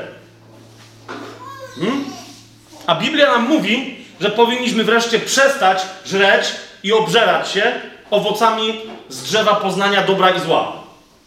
Zadaniem chrześcijanina nie jest żyć według owoców dobrych. Naszym zadaniem nie jest odróżniać i nie jeść złych, a jeść dobre. Naszym zadaniem jest w ogóle odwalić się od tego głupiego drzewa i pójść do drzewa życia. Naszym zadaniem jest żyć, jedząc tylko i wyłącznie owoce, które są życiodajne, ponieważ jesteśmy na nowo żyjący jako nowe stworzenia i owoc mamy przynosić, który będzie trwać, a co będzie trwać? Tylko i wyłącznie życie wieczne. Więc to, że robisz jakąś dobrą rzecz, rozumiesz, może się okazać, że z punktu widzenia jest nadal martwym uczynkiem. Jeżeli mi nie wierzycie, zobaczcie czwarty rozdział listu do Hebrajczyków. Wyraźnie jest, nie będziemy tam jeszcze przeskakiwać, bo to będzie następny mój komentarz, tak? Może później. Ale tam jest wyraźnie napisane, że my, wstępując do szabatu Bożego, który cały czas trwa, jako chrześcijanie teraz mamy co zrobić, na czym ten szabat polega, żebyśmy wreszcie odpoczęli od uczynków swoich, jak ojciec odpoczął od swoich. Rozumiesz? Odpocząć od swoich najlepszych nawet, moralnie dobrych uczynków. Z moralnie dobrych, to nawet nie ma mowy o tym, żeby się zastanawiać nad złymi, z moralnie dobrych rzeczy my mamy mieć rozeznanie, która z tych dobrych, możliwych rzeczy z mojego punktu widzenia jest jedyną, która jest życiodajną. Na tym polega cała historia. Co jest życiodajne, co daje życie mnie i przez co ja mogę dać życie innym. I teraz kapujesz, ta, ta babcia na przejściu dla pieszych, je, jeżeli na przykład taki potężny, silny mężczyzna jak Tymek, tak, który ma jasne powołanie, żeby nosić babcię przez ulicę, co się śmieje? Po, po prostu Bóg go stawia w obliczu tego typu sceny. Rozumiecie? To i załóżmy, bo to cały czas, nie, nie mówię teraz, tylko podaję przykład, tak? To teraz Tymek co ma zrobić? On wie o tym, tak? Że kim ja jestem. Jedną z cech mojego osobistego powołania do tego Pan mnie wezwał, aby nosić tych, którzy drżą przy drodze. tak? Tyle, robisz, on podbiega do niej, ca, przenosi ją, mówi, babciu, dalej. Tyle, przeszłaś. I ona okej, spoko. Ale jeżeli moim powołaniem, rozumiesz, jest, a to jest część mojego powołania, teraz nie będę tego rozwijał, ale widzisz, ja to wiem o sobie. Jednym z bardzo istotnych elementów mojego powołania osobistego jest przywracać, nieważne, niewierzącym czy wierzą, niewierzących trzeba przywrócić do w ogóle, do, przyprowadzić do życia, ale wciąż nawet ci, którzy żyją, mogą być bardzo mocno poranieni w głębi. Tak? Mogą mieć odebrane poczucie godności osobistej, nie wiedzą, kim są w Bogu, co znaczy być dzieckiem, tak? Takiego ojca, jakim jest naprawdę Jahwe, i tak. Więc jednym z elementów mojego powołania osobistego jest zadbać o to, żeby ci, którzy, których spotykam, którzy wydają się być w potrzebie, żeby tchnąć w nich nadzieję. Tak? Że przynajmniej na to, że ich stan jest albo może być znacznie lepszy niż kiedykolwiek im się wydawało. Jednym z elementów mojego osobistego powołania jest przywracanie ludziom poczucia godności osobistej, duchowej, w Duchu Świętym w Chrystusie, wprost od Ojca pochodzącej.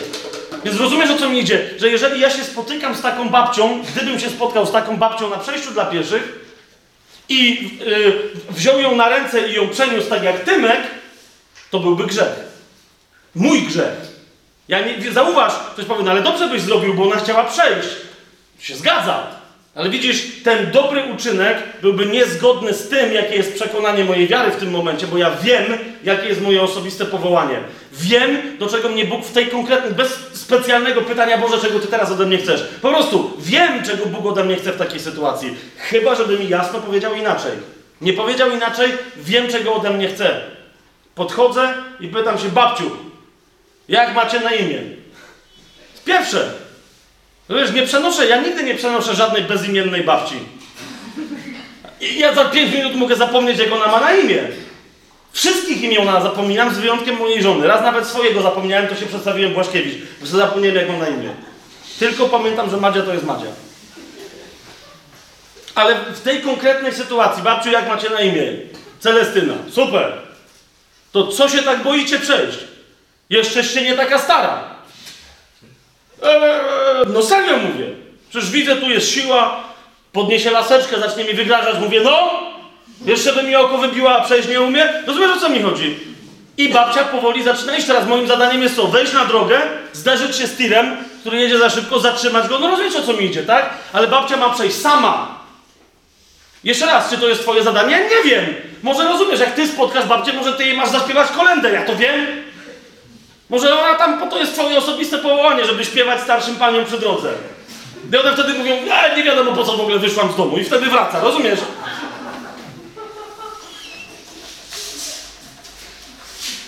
No to, to, to, to taki, na jaki przykład, takie potem dalsze ciągi, no nie? Ale mam nadzieję, że zaczynasz to rozumieć. Kapujesz? Nie masz prostych odpowiedzi. Co mam zrobić w tego typu sytuacji? Nie masz prostych odpowiedzi. Tak? Jeżeli na przykład jednym z elementów Twojego osobistego powołania jest, żeby w imieniu Jezusa Chrystusa uzdrawiać chorych, jeżeli się spotykasz z kimś chorym, to jest jasna sprawa, wyciągasz ręce, kładziesz. Tyle. I, I ma przyjść uzdrowienie, jak nie przychodzi, to się pytasz zaraz, co jest grane? Zepsuła mi się wiertarka. Bo ma, jeżeli masz dar, to rozumiesz, no to jest tak jak wiertarka, śrubokręt, młotek i tak dalej. Po prostu pracujesz przy pomocy tego daru dla dobra innych. Ale znowu, jeżeli to na przykład jest ktoś taki jak ja, ja wiem, że nie mam daru uzdrawiania. Wciąż, jeżeli jest taka potrzeba, mogę skorzystać ze znaku, który jest obiecany wszystkim wierzącym. Ale teraz zauważ, co się dzieje. Nie wygłupiam się, nie mam daru uzdrawiania, więc się nie modlę za chorych. Nie wygłupiam się. Ok? Nie wygłupiam się. Bo kto nie ma daru, a jest po prostu wierzącym, co Pan Jezus powiedział? Tym, którzy uwierzą, takie znaki towarzyszyć będą. Jakie znaki? Na chorych co? Ręce kłaść będą, czyli widzicie, przynajmniej trzeba mieć dwie. No, no, no, no poważnie, trzeba mieć dwie. Kładziesz, jest liczba mnoga, kładziesz ręce i co masz dalej mówić? Nic. Ja nie mam daru uzdrawiania. Na chorych ręce kłaść będą, a oni odzyskają zdrowie. To jest wszystko. Ale jeszcze, jeszcze pogłębmy to, tak? Bo teraz zanim ja się w ogóle zabiorę za to, żeby na kogoś kłaść ręce, to widzisz, w ramach mojego osobistego powołania, to jest jego integralna część, zaczynam rozmawiać z tą osobą. Co się w ogóle dzieje? Kapujesz? Czy ona aby na pewno jest chora? No, no tak, no bo rozumiesz, y, ludzie przychodzą do lekarza ze swoimi diagnozami i często to dobrze, bo lekarze są różni, więc czasem trzeba mieć, wiesz, y, z, z Google wyciągniętą diagnozę.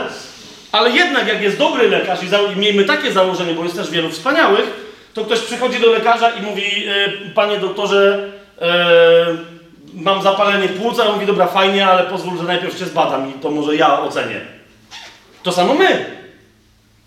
Znaczy, jednym z elementów mojego osobistego powołania jest diagnozowanie tego, co mi ludzie mówią, że myślą, że im się dzieje. I tyle. I bywa tak, że ktoś przychodzi i twierdzi, że ma depresję, a po pół, półgodzinnej rozmowie okazuje się, że chodzi o coś zupełnie innego. Na przykład, że nie może się zdecydować w ramach prostego wyboru. Wie, na co powinien się zdecydować, albo wie, bo to często częściej i ostatnio kobiety miewają. Agonia decyzyjna, tak? To bym wybrała, ale tam to stracę. No to tam to wezmę, ale tego mieć nie będę. No i osiołkowi w żłoby w jednym owiec, w drugim siano i on co? Umiera z głodu. Jak w tej bajce, tak? I teraz ta przychodzi, mam depresję. Jak się, yy, rozumiecie, jak jeszcze trafisz na ekipę, która mówi, aha, jest depresja, jest demon. Wtedy kładą ręce, zaczynają wypędzać. Nic nie wychodzi, bo rozumiesz, o co mi chodzi? Nic nie wychodzi, bo nie ma co wyjść jeszcze w tej sytuacji, bo tam się jeszcze demon nie przywalił, ale ci już wiedzą, że za mało pościli. No i zaczyna się religia. Bo, bo najwyraźniej to jest ten, co wychodzi tylko modlitwą i postem. Wiecie, o co mi idzie? Jedna głupota poprzedza kolejną jeszcze większą, a z tej powstaje największa. Cały czas z braku rozeznania, co ja w danej sytuacji mam robić, kim jestem, jako kto zostałem powołany i podniesiony z prochu ziemi przez Pana. Do bycia kim w Jego ciele, do jakiego rodzaju posługi. Więc często bywa tak, że jak przychodzi ktoś chory, ostatecznie, po, po, jeżeli ja akurat rozmawiam, po rozmowie ze mną trafia na, modlitwie, na modlitwę e, o uzdrowienie, trafia na modlitwę o uwolnienie, ale często nie trafia na żadną modlitwę, tylko trafia z, powrotem do swojej komory modlitewnej, bo ma sprawy do rozwiązania, bo ma grzechy do odpokutowania, bo ma ludzi do przeproszenia. Zauważyliście, jak wielu dzisiaj ludzi przychodzi z czymś, co jeszcze 30-40 lat temu w kościele byłoby po prostu weź człowieku, weź się ogarnij. Bo to jest prosta rada. Z czym do mnie przychodzisz? Dzisiaj wszyscy chcą być ze wszystkiego uwalniani. Tak o, no bo w internecie wszystko ma natychmiast, na YouTubie wszystko ma natychmiast, na komórce wszystko ma natychmiast, pójdzie do McDonalda czy do czegoś tam, też ma wszystko natychmiast, bo jest fast food i tak dalej, więc tu też chce mieć natychmiast. Co tam się dzieje? O bracie, nie mogę sobie poradzić, demon pornografii mnie ogarnął. Uuu, widzisz, już ma diagnozę. Jest demon pornografii. Rozumiem, że ten demon, nie wiem, puszcza ci te filmy, czy to nie, sam oglądam. No to. No ale potrzebuję uwolnienia. Od czego? Jak się chcesz uwolnić od internetu, to odetnij. Nie płać więcej za rachunek, czy rozumiesz, sami ci odetną. Jak potrzebujesz się uwolnić od komputera, wyłącz prąd. Jak, nie nie wracaj do domu, śpij na ulicy, rozumiesz, cokolwiek, rozumiesz, jest masa, oczywiście, to są głupie rozwiązania, tak? Coś z tym zrób, ty masz problem. Ty masz problem. Ale teraz zauważ, ponieważ mamy ludzi, którzy po prostu nie wiedzą, co robią w ramach posługi, inni nie wiedzą, co w ogóle robią w ramach swojego życia, no to właśnie, nawzajem sobie usługujemy absolutnie wyimaginowanymi, fantazyjnymi, z krainy baśni, rozumiecie, tysiąca i jednej nocy darami, których nie ma. Rozwiązujemy problemy, których nie ma. I potem mówimy, gdzie jest ta moc, panie, bo tyle robimy, a jakoś mało, niby się tyle dzieje, a jakoś nic z tego nie ma. Bo się nic nie dzieje. Kim jesteś? Gdzie jest Twoja meta? Jeżeli tego wszystkiego nie wiesz, to teraz zrobimy przerwę, a po przerwie się zastanowimy, dlaczego tego nie wiesz.